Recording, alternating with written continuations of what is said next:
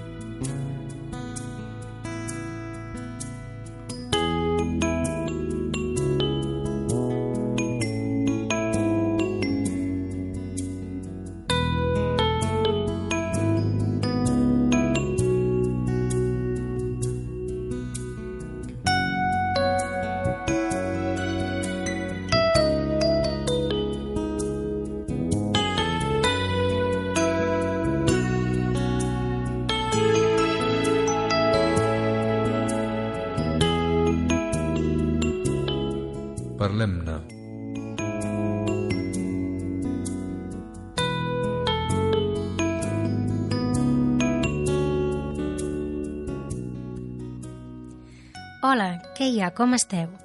Sigueu molt benvingudes i benvinguts al Parlem-ne d'avui.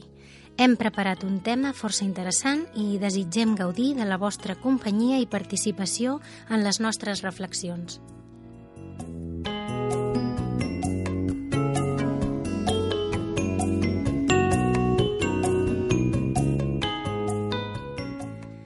Quan criem els nostres fills, tenim cura de molts aspectes que incideixen en el seu desenvolupament. Alimentació i salut, escola i lleure, relacions i experiències enriquidores. Nosaltres, com a mares i pares responsables, procurem abastar tot allò que influeix en el seu procés de formació com a persones, en un sentit global, i mirem d'orientar, de protegir, de preparar, d'instruir... El tema que us proposem avui és la reflexió sobre el que els nostres nens i joves coneixen sobre sexe, sobre riscos i, per què no, sobre amor. De debò pensem que són la generació més informada de la història? És cert, això? Què els ensenya qui els ensenya sobre sexe? És la nostra responsabilitat tenir cura també d'aquest aspecte i preparar, orientar i advertir del que hi ha i del que poden trobar-se. És dubtós que els nostres fills sàpiguen més de sexe que nosaltres, perquè nosaltres no som ni molt menys aquella generació reprimida i desinformada, on tot el que es referia al sexe era tabú.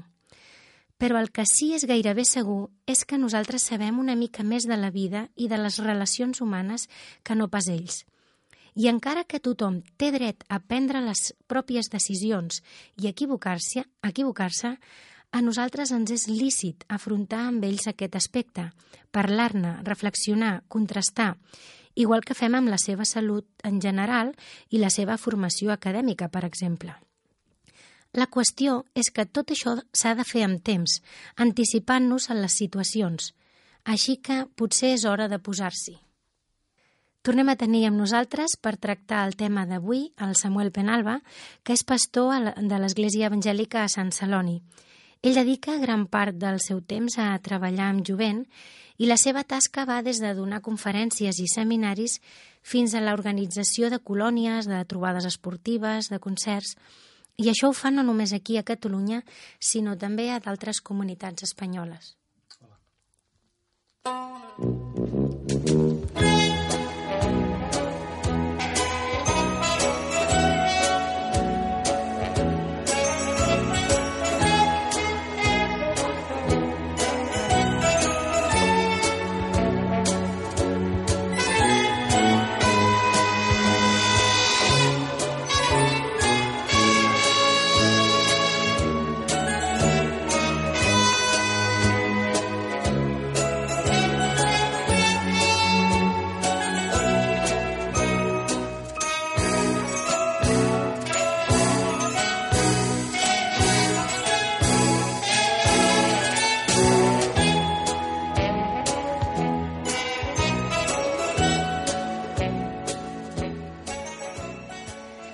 Doncs hola un altre cop, Samuel. Hola.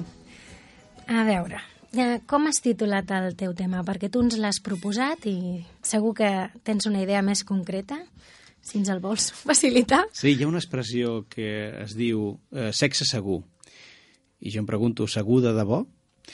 Voldria parlar dels riscos d'una sexualitat malentesa. Uh -huh.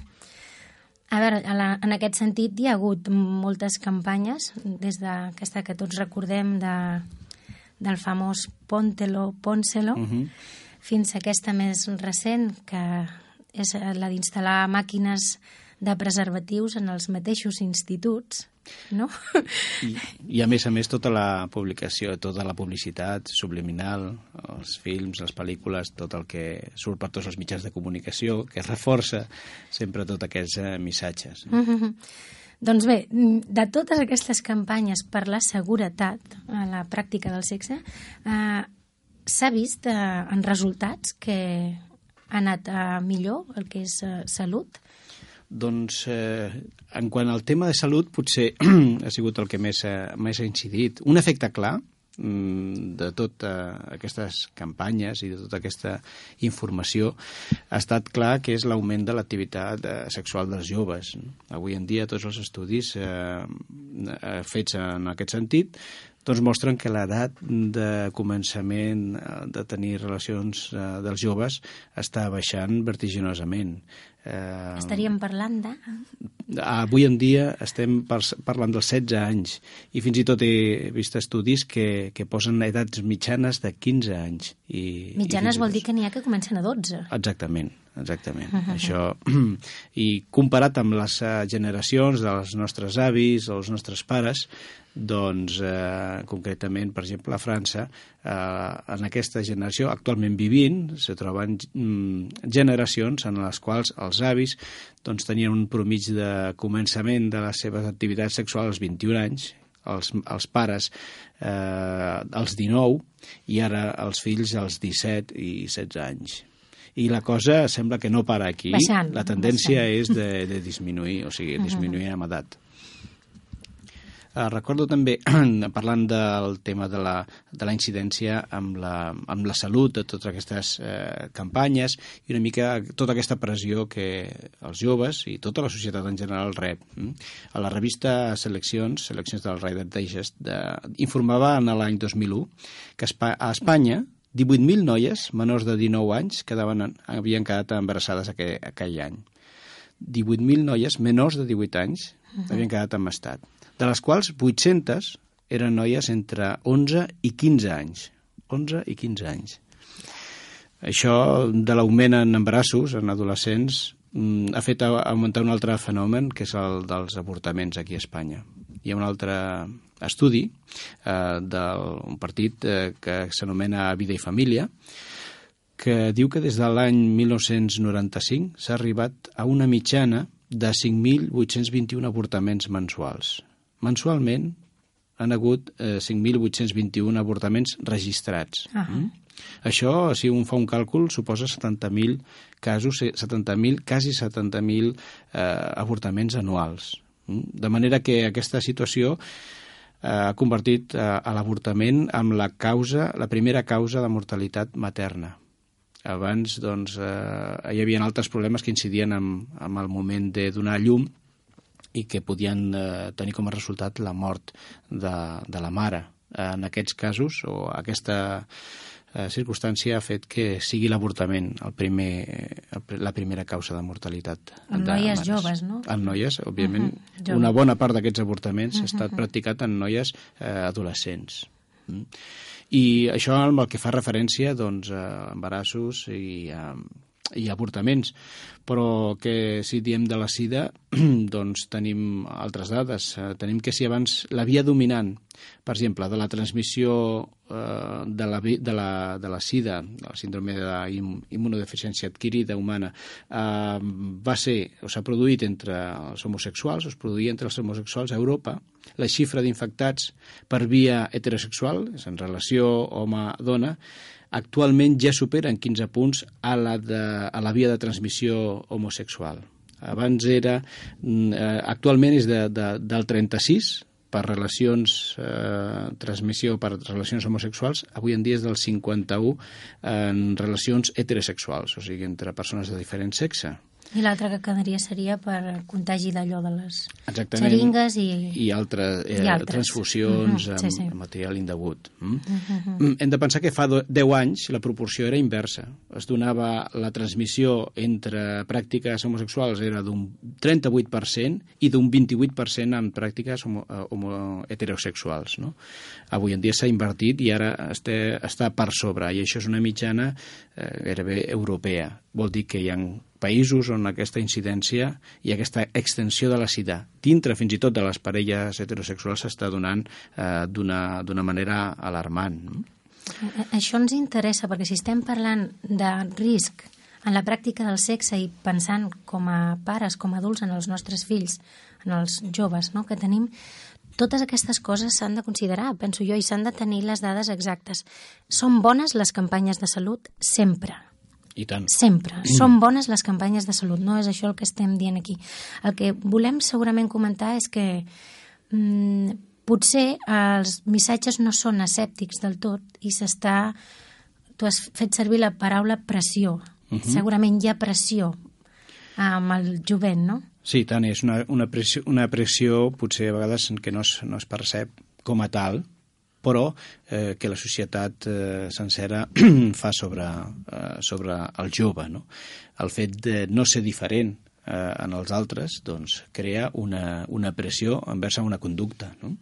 I si avui en dia doncs, un jove que es relaciona amb els companys de classe eh, doncs sembla que no ha tingut la seva primera experiència sexual quan ja està a l'edat de l'institut eh, o està fent l'ESO, doncs comença a ser relegat eh, i vist i mal vist pels altres. Així que hi ha una pressió per, per intentar superar això el abans possible, no?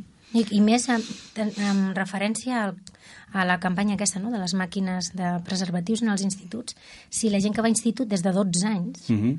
si als 12 anys ja tens accés a tot això, potser és que et passa el temps, si a 12 anys no comences a practicar sexe. És un missatge que es dona a més a més. Uh -huh. No és que tinguis seguretat quan practiquis sexe, sinó que espavila que et passa el temps. Exacte. I és una mica com s'entén, perquè a més, com tu deies, penso que la pressió ve per totes bandes. Uh -huh. No hi ha anunci que no tingui algun component sexual, no hi ha pel·lícula de l'argument que sigui que no inclogui escena, escenes molt explícites moltes vegades, on mai he vist que ningú es posi preservatius. Uh -huh. Efectivament. per... No quedaria bé. No queda bé, no queda bé. No. doncs tot això que, que, que compta que pobre canalla també el que estan rebent és per estar una mica confosos, no? Potser? I tot això doncs, dona la sensació de que està perfectament admès, mm, està perfectament assimilat i, com eh, també dèiem a l'inici i era el tema, dona una imatge de seguretat irreal. No? Després potser en parlarem una mica més. I deixa'm afegir una, una pinzellada més amb el tema d'aquest efecte. Hem parlat de- d'avortament, d'embarassos no, no desitjats, i de la sida, però molts joves pensen que això potser és el pitjor que et pot passar, quedar-te amb estat tenint relacions sexuals, però no, avui en dia es parla molt poc de la sífilis, de les clamídies, de l'herpes genital, de la gonorrea, del virus del papiloma humà, humà. Tot són eh, malalties, entre aquestes, entre moltes altres, més de les quals més de 20 eh, no, poden, no es poden prevenir únicament amb un preservatiu, perquè senzillament preservatiu no cobreix la zona suficient i perquè, a més a més, es poden eh, contagiar per altres pràctiques eh, sexuals, per altres tipus de contactes o, o, o per pràctiques orals. Uh -huh, que no sigui relació completa. Exactament. També. I a més que n'hi ha algunes que no es curen, que queden latents. Ja no, la sida ja sabem que és una malaltia molt greu, uh -huh. però n'hi ha d'altres que queden latents per tota la vida i que es, es transmeten a la descendència avui per avui. Efectivament, i a més a més, també hi han, després podem parlar eh, una mica d'això, hi ha algunes que són asimptomàtiques per la major part de les persones. Les pateixen sense saber-ho que les pateixen. Uh -huh. Per tant, si tu no, no tens un símptoma, no et sents malalt i no tens eh, necessitat de consultar un metge o fer-te veure per un especialista. I aquella mateixa malaltia no solament l'estàs patint realment, sinó que l'estàs transmetent a tots aquells amb els que tinguis un contacte. Això fa que eh, la, la, s'han disparat les, eh, els números de transmissió d'aquest tipus de malalties entre la joventut espe especialment. Uh -huh. uh, potser, comentàvem, no? en altres èpoques el jovent no tenia tanta informació, d'acord? Mm. Um, però es pot dir que la generació d'ara de joves, i parlaríem de nanos, fem de l'edat d'ESO, eh? a partir de 12 anys, de 16, fins i tot diríem de 18, eh, tenen prou informació i, més encara, és eh, certa la informació, és... Eh, Sí, no, no sí. és enganyosa a vegades? No sé, ja la pregunta queda tendenciosa, però comencem per la primera part. Tenen tota la informació que els cal? crec que tenen suficient informació i el que, aquesta informació està a l'abast de, de, de tots els joves que la puguin buscar. I, i és cert que l'accés a la informació és molt més gran i serà més gran cada, cada vegada. Però el que pot passar i el punt potser eh, que hem de ressaltar és que l'accés d'informació a vegades crea un enganyós sentit de seguretat i és aquí on hem d'incidir. Eh, tota aquesta avalanxa d'informació vol dir que estem més segurs, vol dir que no, no hi ha problema, vol dir que no, no hi ha perill, malgrat que per exemple, parlant del tema de les campanyes eh, que hem estat eh, esmentant, malgrat que no es presenti el preservatiu com una barrera infal·lible, perquè mai eh, es diu, i tots ho reconeixen, que no és una barrera infal·lible ni per la transmissió de, de malalties, encara que és reconegut eh, el, la seva efectivitat, eh, però el cert és que massa joves ho assimilen com si fos eh, la protecció total. Saben que no és total, però viuen, practiquen, eh, es condue, eh, tenen una conducta semblant o donen a entendre de que ho, eh, com si ho fos. No? I això és el que col·loca el jove en una situació, una situació de risc. I, I això en els casos que es fa servir preservatius, perquè fa un moment has dit que hi havia una tendència creixent sí. d'augment d'embarassos entre Sí, sí, efectivament estem parlant d'un ús eh, mitjanament eh, correcte del, del preservatiu, cosa que és difícil de, de comprovar, no? És difícil de comprovar. Deixa'm dir que la, el grau d'eficàcia del preservatiu eh? tenint en compte un ús eh, adequat i, i suposant que no hi hagi un, un problema de fabricació. Eh, sobre això hi ha un informe científic de l'Institut Nacional d'Al·lèrgia i Malalties Infeccioses dels Estats Units que ha estimat l'eficàcia màxima de, del preservatiu d'un 85% com a eficàcia màxima no? per eh, el tema o per eh, prevenir el contagi de la sida o sigui, l'ha estudiat en aquest cas suposat eh, de, de, de prevenció de sida, no en, en el tema dels, eh, dels embarassos. No? Uh -huh. Però altres estudis situen i varien en quant a la xifra entre un 60 i un 95% la fiabilitat del preservatiu, suposant que la fabricació ha, sigut, ha estat de qualitat i que se li dona un ús eh, correcte, un ús adequat. No? Però és que si, a més a més, eh, partim d'això i, i veiem que la protecció contra per, amb malalties com la gonorrea, per exemple, és molt més limitada. No arriba ni tan sols en aquest 95%. I, i també s'ha descobert que no hi ha evidència de protecció mm, alguna amb el virus, per exemple, del papiloma humà que és altament contagiós i, i, um, i té efectes, com després parlarem en la salut, força importants. No? I parlem-ne d'altres o d'altres malalties de transmissió sexual a les quals no hi ha estudis eh, concrets respecte a la seva protecció o la protecció del, del preservatiu en aquest cas. Mm? Són dades, són dades que s'han de tenir en compte, perquè com a pares se suposa que si als nanos no, no els hi ha dit ningú, els hi hem d'explicar totes aquestes coses uh mhm. -huh. quan arribi el moment. Eh, hem de fer un incís que hi ha un, realment un esforç en els instituts en quant a iniciatives per explicar, si més no, certs riscos eh, de pràctiques sexuals inadequades, no?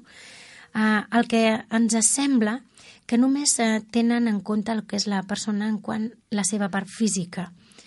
M'imagino que més endavant parlaràs de que -huh. hi ha més coses a tenir en compte, però potser aquesta és una mancança de les escoles. No és que no es dongui informació mèdica, però es dona asèpticament, ho dèiem fa un momentet. I això no és tot el que un nano en formació necessita.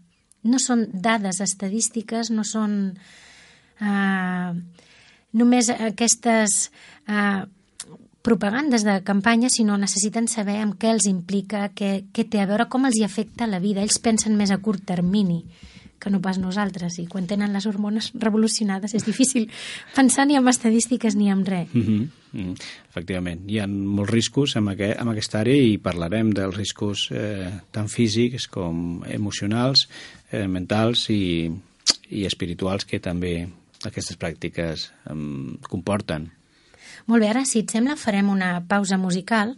Anem a escoltar un tema que és del treball Mi regalo de Marcos Vidal, es titula Consejo i fa un recull d'algunes eh, de les indicacions que fa la Bíblia en pla pràctic per viure la vida. I veureu que n'hi ha alguna que té a veure amb el nostre tema d'avui.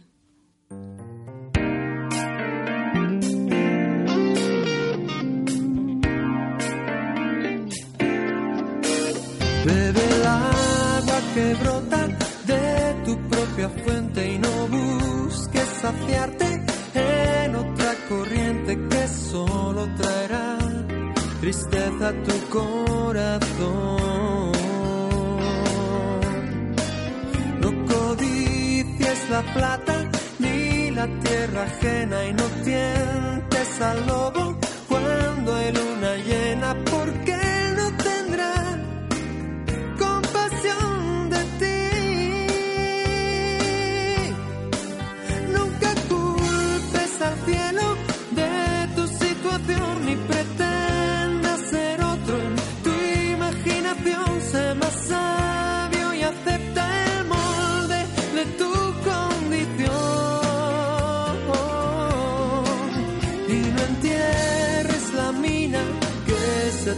Aprovecha los días que tu Dios te dio y celebra cada amanecer.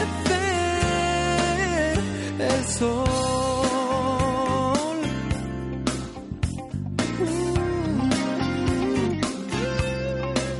No edifiques tu casa sin antes pararte a pensar si en tu mano tienes suficiente para comenzar y hasta el final. No provoques la lucha contra tu enemigo si no has calculado quién está contigo y cuántos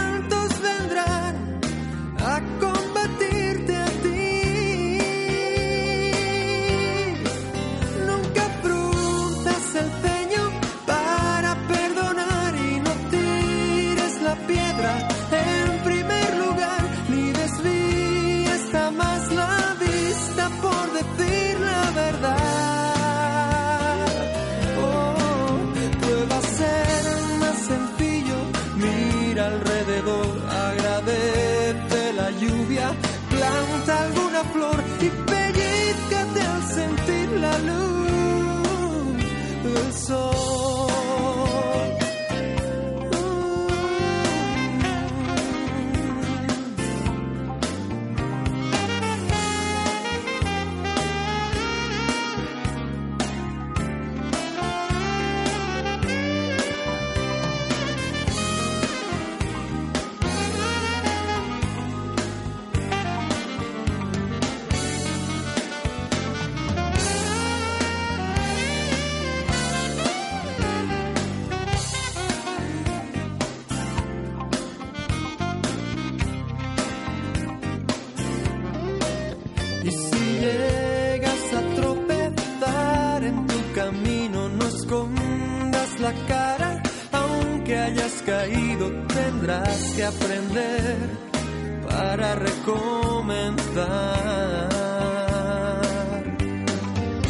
Es mejor ser honesto y empezar de cero que urdir un atajo por llegar primero. Y a Dios no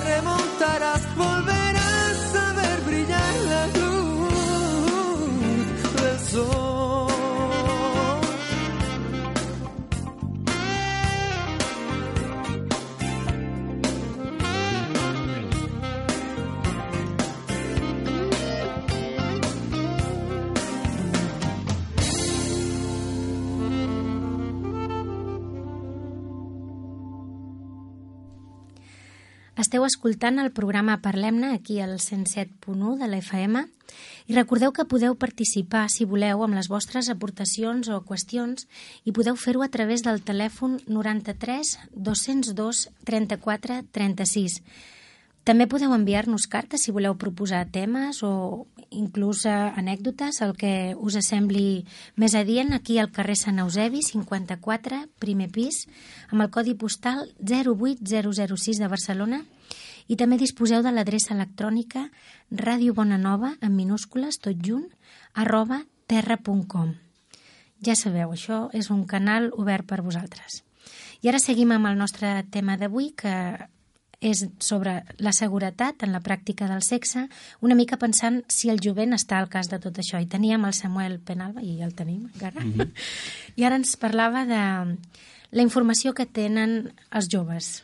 Sí, oi que parlaven del, del tema de la seguretat de, del preservatiu, que ha sigut tan difós i que s'està presentant potser com la, la solució a, a, a qualsevol tipus de pràctiques que, que estan tenint actualment entre els joves. Jo vull deixar-te dir una cosa que vaig llegir, és una anècdota significativa sobre el tema. És una doctora, Teresa Crenshaw, que era expresidenta de l'Associació Americana d'Educació Sexual, consellers i terapeutes, va parlar eh, a més de 800 col·legues eh, sobre què recomanaven, col·legues que recomanaven l'ús de preservatiu per tenir sexe segur, en un congrés de sexologia celebrat a Heidelberg, a Alemanya.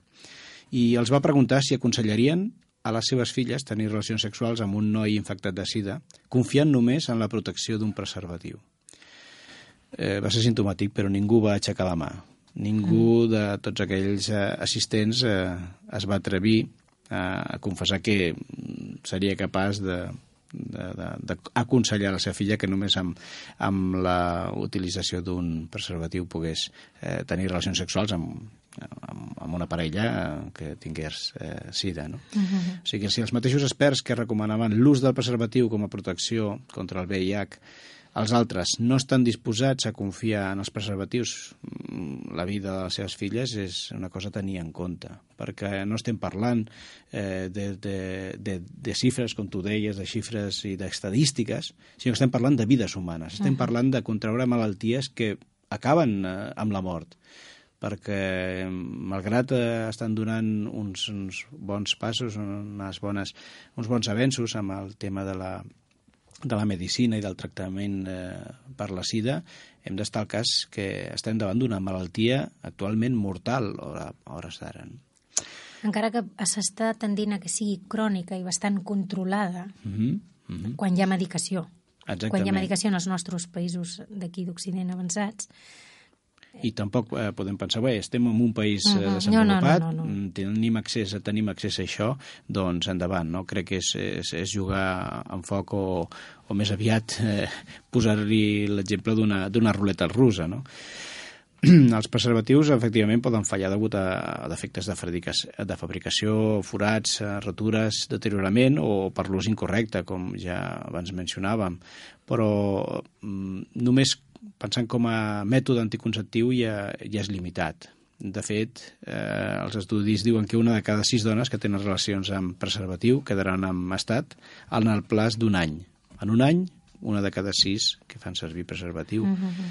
Es produirà un embaràs, no? Quasi, quasi la totalitat de les que resultin embarassades potser pensaven en aquell moment que no, que no es quedarien, que no, no els hi passaria. No?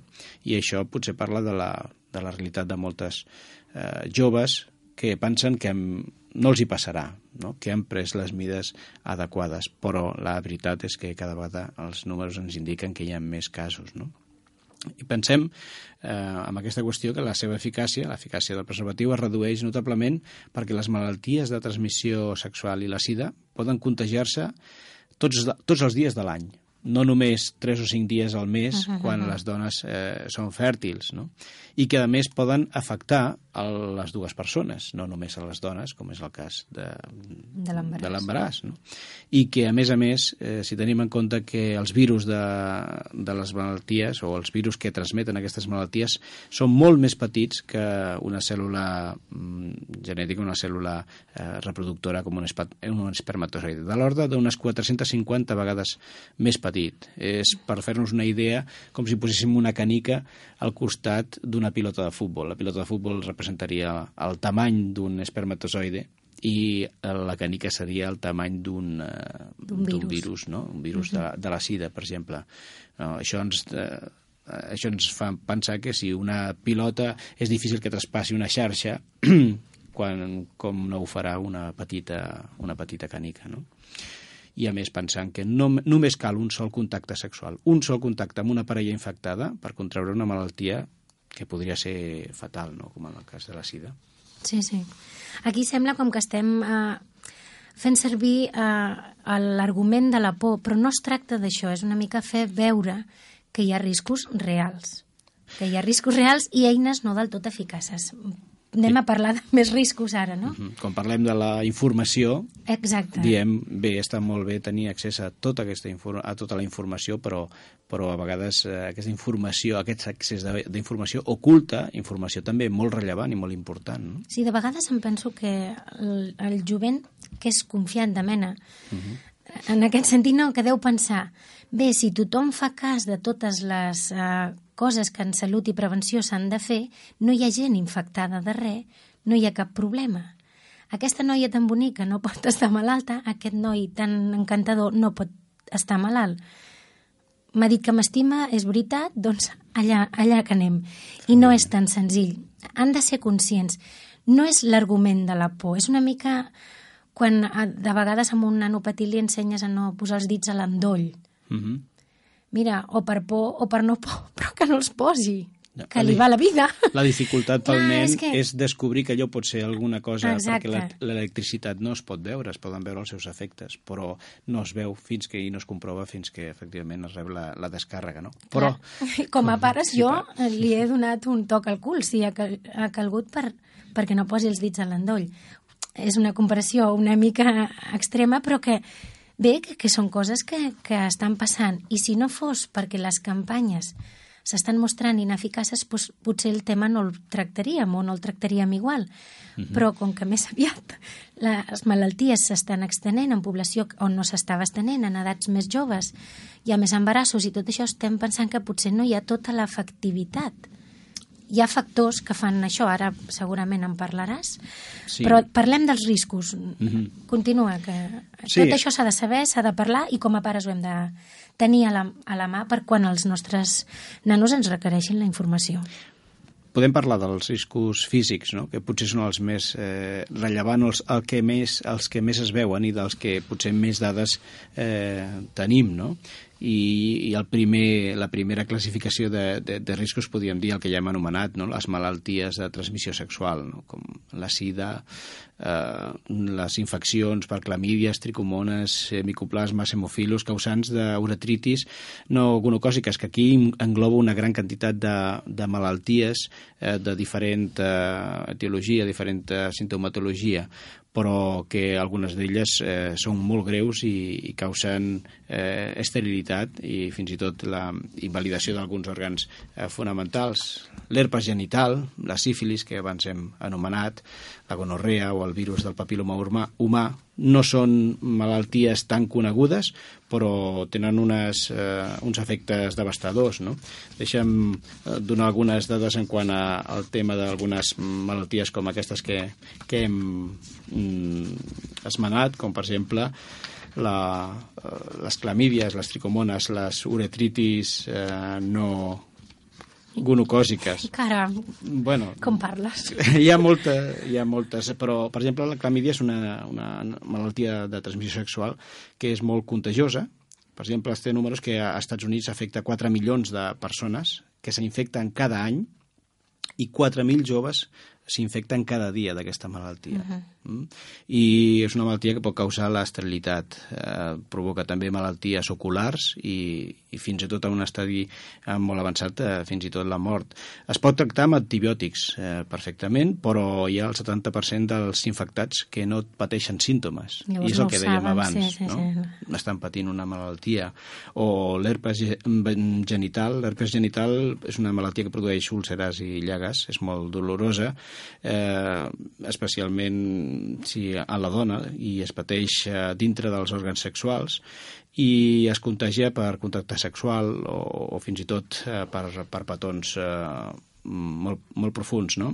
I, i es pot contraure malgrat eh, l'ús del preservatiu. No? Hi ha dades de que parlant de 30 milions de nord-americans que estan eh, infectats i, i cada any mm, es té, eh, es té informació de, de 200.000 a 500.000 casos nous. No?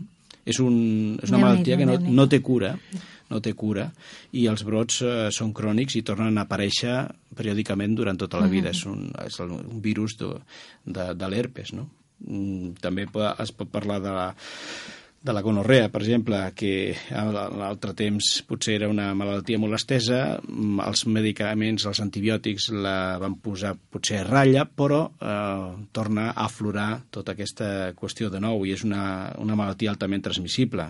I només amb un acte sexual amb una persona infectada hi ha el 40% de probabilitats d'adquirir la, la malaltia. I si no es tracta, doncs, eh, causa altres malalties secundàries com artritis, complicacions cardíaques, eh, pots, pots quedar sec o, o dany cerebral i esterilitat en les dones. No?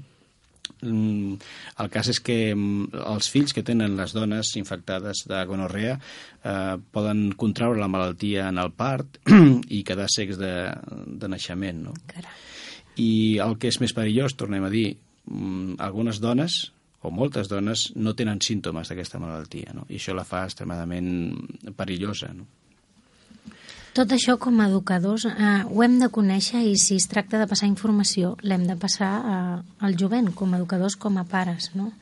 M'imagino que, bueno, m'imagino, sé que una mica les indicacions del que es fa als instituts van a aquesta línia, van a aquesta línia perquè és més aviat mèdic el que s'exposa, però no està de més que nosaltres puguem parlar també amb franquesa de tot això. Hi ha llibres, hi ha vídeos, internet està ple d'informació també. Escollim sí. amb mhm. saviesa de com hem de parlar, com hem d'afrontar en, el, en els nostres nanos amb tots aquests temes. Aquestes coses hi són. Ara, tota aquesta informació a vegades no parla, per exemple, d'un altre, un altre risc. Que, que, o sigui, poden parlar del risc de la relació amb el moment que, que es produeix. No? Totes aquestes malalties són risc de, de la relació que tu puguis tenir, però hem, pensat, eh, hem de pensar també que um, un altre risc físic potencial són les malalties a les que hagi estat exposada la parella amb la que has tingut eh, relacions. No? no solament eh, amb el que tens en aquest moment, sinó totes les persones que han pogut passar per la vida d'aquella persona. Tenir relacions sexuals amb una persona podríem dir que equival mm, entenent aquest equival entre cometes, però eh, ens fa reflexionar que eh, equival a tenir relacions sexuals amb totes les persones amb les que aquesta persona ha tingut contacte sexual durant els últims 10 anys. O sigui que no és, és solament el moment eh, i la relació que tens en aquell moment, sinó quina és la seva vida passada. Perquè d'alguna manera en totes les altres contactes sexuals eh, ha rebut alguna cosa o ha perdut alguna cosa, o ha compartit alguna cosa. Així que, eh, si tu t'agites amb, un, amb una persona, no solament, per dir-ho així, t'agites amb ella, sinó amb, amb les altres persones que han pogut tenir relacions, eh, en relacions amb ella.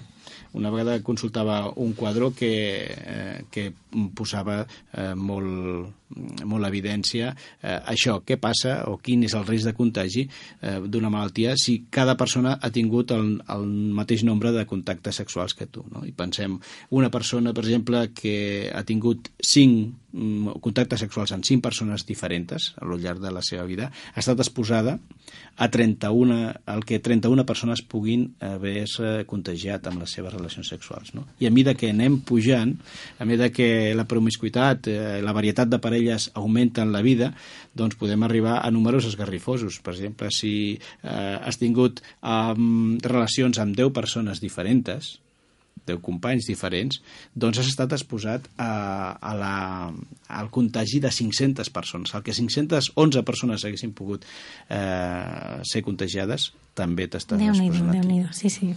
Queda clar. Queda clar. Això era eh, de... Estaves parlant encara només de riscos físics, Mhm. però n'hi ha més, has comentat abans. Òbviament, eh, abans parlaven de l'embaràs, no? I que potser és eh, quasi el, el risc exclusiu o, o, a part de la sida, l'altre risc que, que els joves pensen que poden, eh, que poden tenir, no? Eh, però no, no l'hem no de menysprear quan parlem de, de tants eh, amb embarassos no desitjats que molts d'ells acaben en, en avortament, no? amb les conseqüències físiques, emocionals i psicològiques que, que això uh -huh. comporta. No? Però pensem en el risc eh, per la mare, especialment si és una mare jove, o si és massa jove i, i té encara un cos eh, no prou eh, adaptat per, per afrontar el que suposa la maternitat. Mm? Hem, pensat, hem, hem parlat de, de maternitat als 11 anys. No? Sí, sí. Casos realment extrems que, que, que perilla la, la vida de l'adolescent. La, de no? eh, moltes d'aquestes adolescents doncs, han d'acabar inesperadament la seva etapa d'estudis eh, i posar-se a treballar, a mantenir, eh, si és que arriben al final de l'embaràs i, i, tenen, i tenen el fill. Això suposa una limitació de les possibilitats econòmiques d'aquella jove i si és que la parella i si la parella continua junta, doncs la parella, no? Eh, tot això crea unes dificultats socials, econòmiques i, a més a més, de salut que cal tenir en compte. Mm? I a vegades potser d'això no es fa tanta campanya. Sí, es presenta un camí més, més planer mm -hmm. quan hi ha moltes més coses a considerar, és veritat. I ells que ja són prou somiadors amb tot això, doncs potser no se'ls ajuda gaire, no? Quan només se'ls dona facilitats, que està bé orientar, ho hem dit de bon principi, la qüestió de la salut és fonamental que en siguin conscients, però no és l'únic, hi ha moltes coses. Uh -huh. També parlàvem abans de riscos emocionals uh -huh. que estan implicats, no? Eh, la implicació emocional d'una relació sexual és molt profunda no? I, i sovint no té la mateixa repercussió en els membres de la parella. Per un potser sigui més profund eh, l'involucració, l'involucrament eh, emocional que per l'altre. I això provoca situacions emocionals eh, de, de trencament que després tenen conseqüències molt, eh, molt fortes, no? molt Mhm. profundes. No? Un preservatiu no protegeix d'un cor trencat eh, o d'un somni destrossat. I, I, malauradament, hi ha molts somnis destrossats, hi ha molts cors trencats amb tota aquesta eh, roda de, de, de relacions i d'activitat sexual que, que es, eh, es promou no? I, i, i es dona entre, entre el jovent.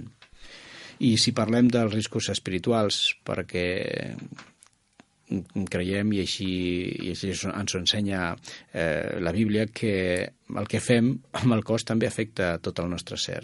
Eh, el cos, alma i, ànima i esperit eh, és una unitat i no podem eh, eh, fer coses amb el cos que eh, hi quedi el reste del ser eh, no afectat. És que no queda. Sí, sí. Exacte, exacte.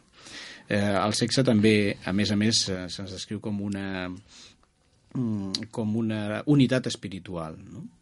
I, i si es trenca aquesta unitat, mai queden les dues parts intactes, totes dues pateixen. No?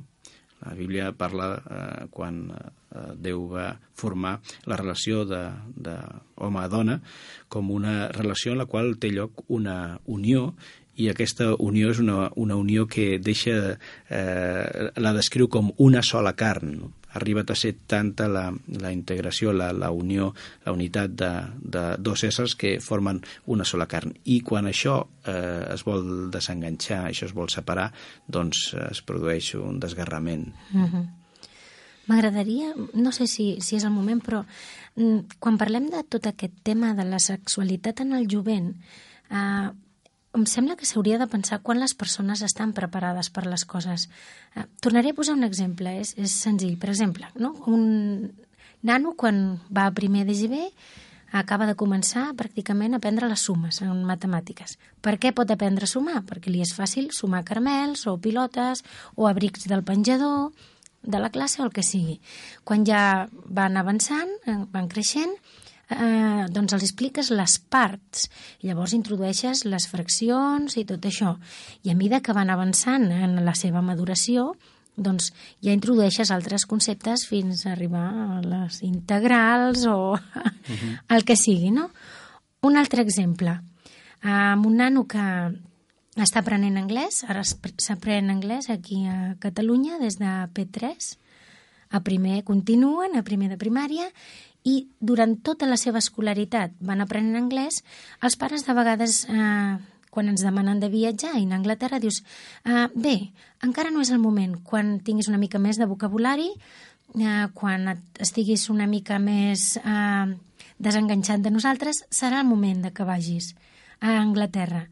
Si per totes les coses hi ha un moment, amb coses que t'impliquen tan absolutament com és tenir una relació sexual, per més que es vulgui dir que no és res, no és com menjar i es pot dir missa, però no és com menjar ni com dormir, són coses que ens impliquen com a persones d'una manera molt total, tu ara mateix ho deies, doncs també hi ha el seu temps.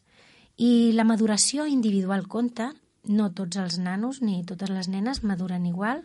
Hi ha nenes amb cos molt gran que tenen encara cap de nena i encara estan per nines i per fer collarets i per llegir novel·les roses. En canvi, n'hi ha d'altres que potser no han desenvolupat el seu cos d'una manera evident, però que estan en una altra onda i estan més pendents de tots aquests temes. Amb això el que vull dir que les persones han de madurar i la maduració segueix un ritme. Aleshores, si tot això és així, i normalment el, tot el que va aparellat amb la relació sexual són coses tan serioses com una implicació emocional i un compromís amb una altra persona, la possibilitat de tenir un fill o no tenir-lo, inclús malalties serioses, potser és carregar-los de massa responsabilitat només dir fer servir un preservatiu. Uh -huh. No estan preparats per eh, tenir cura de, de tot això, no estan preparats. I potser s'hauria d'anar en, en la línia d'una formació, em sembla a mi, eh? més integral. Hi ha sexe, hi ha amor, hi ha compromís, hi ha coses que, són, que duren i altres que no, que són només un miratge, una il·lusió que passa no has de posar tota la carn en el foc si no n'estàs segur tampoc, perquè et pots fer mal. I, i a veure, mm, que cadascú faci el que vulgui, però si són els meus fills jo en tindré cura. Una mica és per aquí, per on volem anar en el programa d'avui, no? Uh -huh. Qui estigui escoltant i, i tingui fills i tingui filles, que em prengui, que pari atenció i que em prengui les cartes que hagi d'aprendre, que són els teus fills. La sexualitat és molt important dotar-la d'un marc adequat. No és una flor eh, eh, silvestre o salvatge que pot créixer en qualsevol lloc. Convé eh, dotar-li de, del marc adequat. I el que volem transmetre com a marc adequat eh, és, eh, és el compromís, un compromís fidel eh, entre dues persones. És el que donarà seguretat en aquesta eh, relació, no solament una relació o no solament una seguretat física, una prevenció de, de les malalties i tot això que hem estat mencionant, d'embarassos no, eh, no desitjats o, o de mm, o de la sida, per exemple, sinó que, a més a més, eh, protegirà la, la relació eh, donant-li tot el ple sentit que, pel qual va ser dissenyada que és la d'unir dues persones amb una unió íntima i significativa. Mm, Sí, si em, si em permets ara, eh, amb totes les coses demanem compromís, un contracte de treball, un contracte per un pis, i tothom s'esgarrifa de que es demani compromís per algo que t'implica molt més. Ara deixarem un moment de banda si s'ha de signar un paper o no, però que el compromís és una cosa que es pot demanar, a mi em sembla que queda fora de tota qüestió, perquè t'hi poses tot tu, i això és important. Bé, farem una pausa abans d'acabar, a menys que vulguis afegir alguna abans de la pausa, i serà musical també. És una cançó mm, una mica... La traducció és una mica estranya, però potser està reflectint el que estem dient d'un grup eh, que es diu Latin Continentals, és el treball Alcanzándote, que és en llengua espanyola, i dic, la traducció eh, sona rara, però està abogant una mica pel, pel que estem comentant. Guarda tu, guarda el teu cos, perquè no només importa que agafis una malaltia o no, hi ha moltes més coses en joc. Guarda tu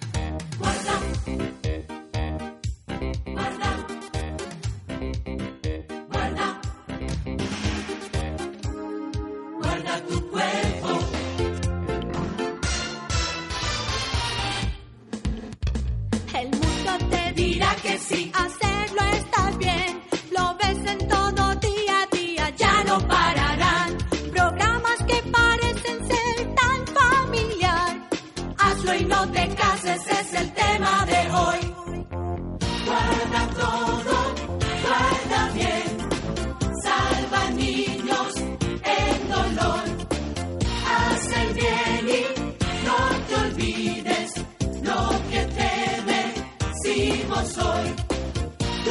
Nunca cedas, pecar no, sin apurar lo que ya vendrá. Siempre escucha al Creador y guarda, guarda, guarda, guarda tu cuerpo.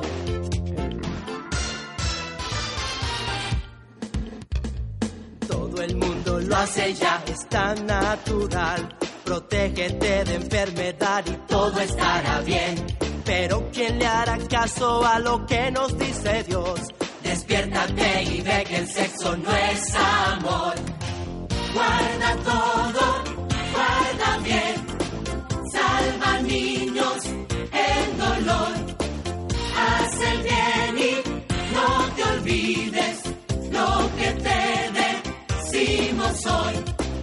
Nunca cedas, pecar no, sin apurar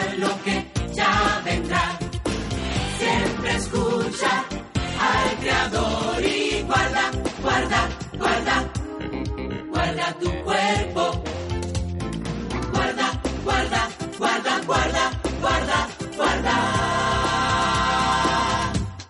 Guarda tu cuerpo. Guarda, guarda, guarda, guarda, guarda tu cuerpo. Doncs molt bé, ja gairebé estem acabant el nostre tema. Deixem pas al Samuel per si vol afegir alguna cosa. No tenim massa temps. Sí, potser en en l'últim min minut voldria deixar alguna alguna paraula no, pels joves que hagin pogut es escoltar o pels pares que també voldrien transmetre eh, algun missatge en els seus fills no? i aquest missatge fos que eh, cada jove es valorés a si mateix valora't a tu mateix. Eh, fes un compromís eh, amb tu mateix de, de reservar la teva sexualitat al màxim. És una manera de pensar en la teva plenitud sexual futura no deixis anar massa aviat eh, totes les teves forces i eh, totes les teves eh, tendències perquè una bona manera de pensar amb la teva parella del futur és guardant-te a tu mateix no solament física sinó també eh, emocional i espiritualment i això és una mica el que, el que volia deixar Molt bé, moltes gràcies. Mm, acomiadem aquí el Samuel Penalba, agraïm la seva col·laboració. gràcies a vosaltres Esperem tenir-te en altres ocasions, a veure si és possible. I seguint una mica la vocació d'aquest programa, del Parlem-ne, eh, quan a l'educació, doncs ja ho vist, hem estat considerant avui el que saben els nostres joves de sexe, de sexe segur, no? I ara una mica en la línia i acabant de concluir quin és el nostre paper com a adults que tenim cura dels nostres fills. No? Primer que ens quedi clar, ens és lícit parlar amb ells d'aquests temes. També hauríem de tenir cura de fer-ho a temps. Nosaltres hauríem de tenir la informació real i mirar una mica el que es cou, a on es, es mouen ells, i hem de fer-los arribar amb exactitud el que hi ha, no només les malalties, les coses emocionals. Com fer-ho? De vegades tenim l'ocasió de comentar les jugades d'una sèrie de televisió, d'una pel·lícula, d'una cançó. No tinguem por, eh, que són coses que ens venen servides. Mm, també els, hauríem de tenir una mica de cura de amb què omplen el cap, no?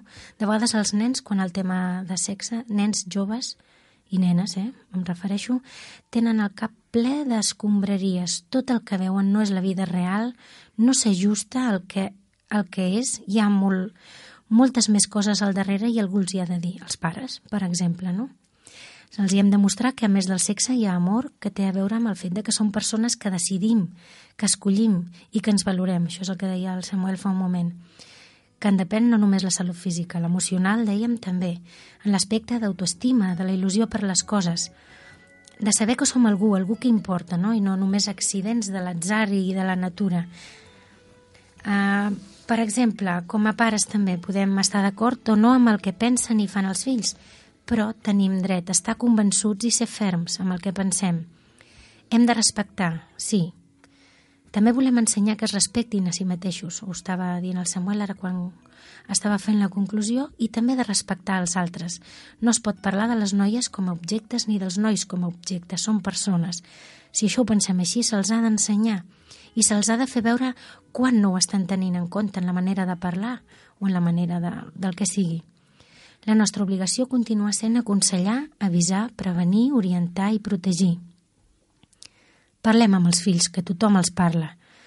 Aprofitem per fer-ho amb els moments oportuns, amb saviesa i amb tendresa. Ànim i endavant. Criar fills no és senzill i no és senzill. Nosaltres tenim els nostres propis problemes i preocupacions a part, a part d'ells. Però és feina nostra, principalment això de l'educar. I a la llarga té el seu fruit. Procurem no rendir-nos mai, que no és de rebut que nosaltres no apostem pels nostres propis fills. Encara que ens costi, encara que ens sembli que molts cops no s'ho mereixen. Bé, anem a acabar aquí. Em sembla que ja ens hem passat de l'hora. Uh, han fet possible el programa d'avui el Samuel Penalba, ha estat a les vies de so el Goyo Valle i qui us ha parlat la Febe Jordà. Fins a la pròxima ocasió en la nova edició del Parlem-ne. Adéu-siau. Ràdio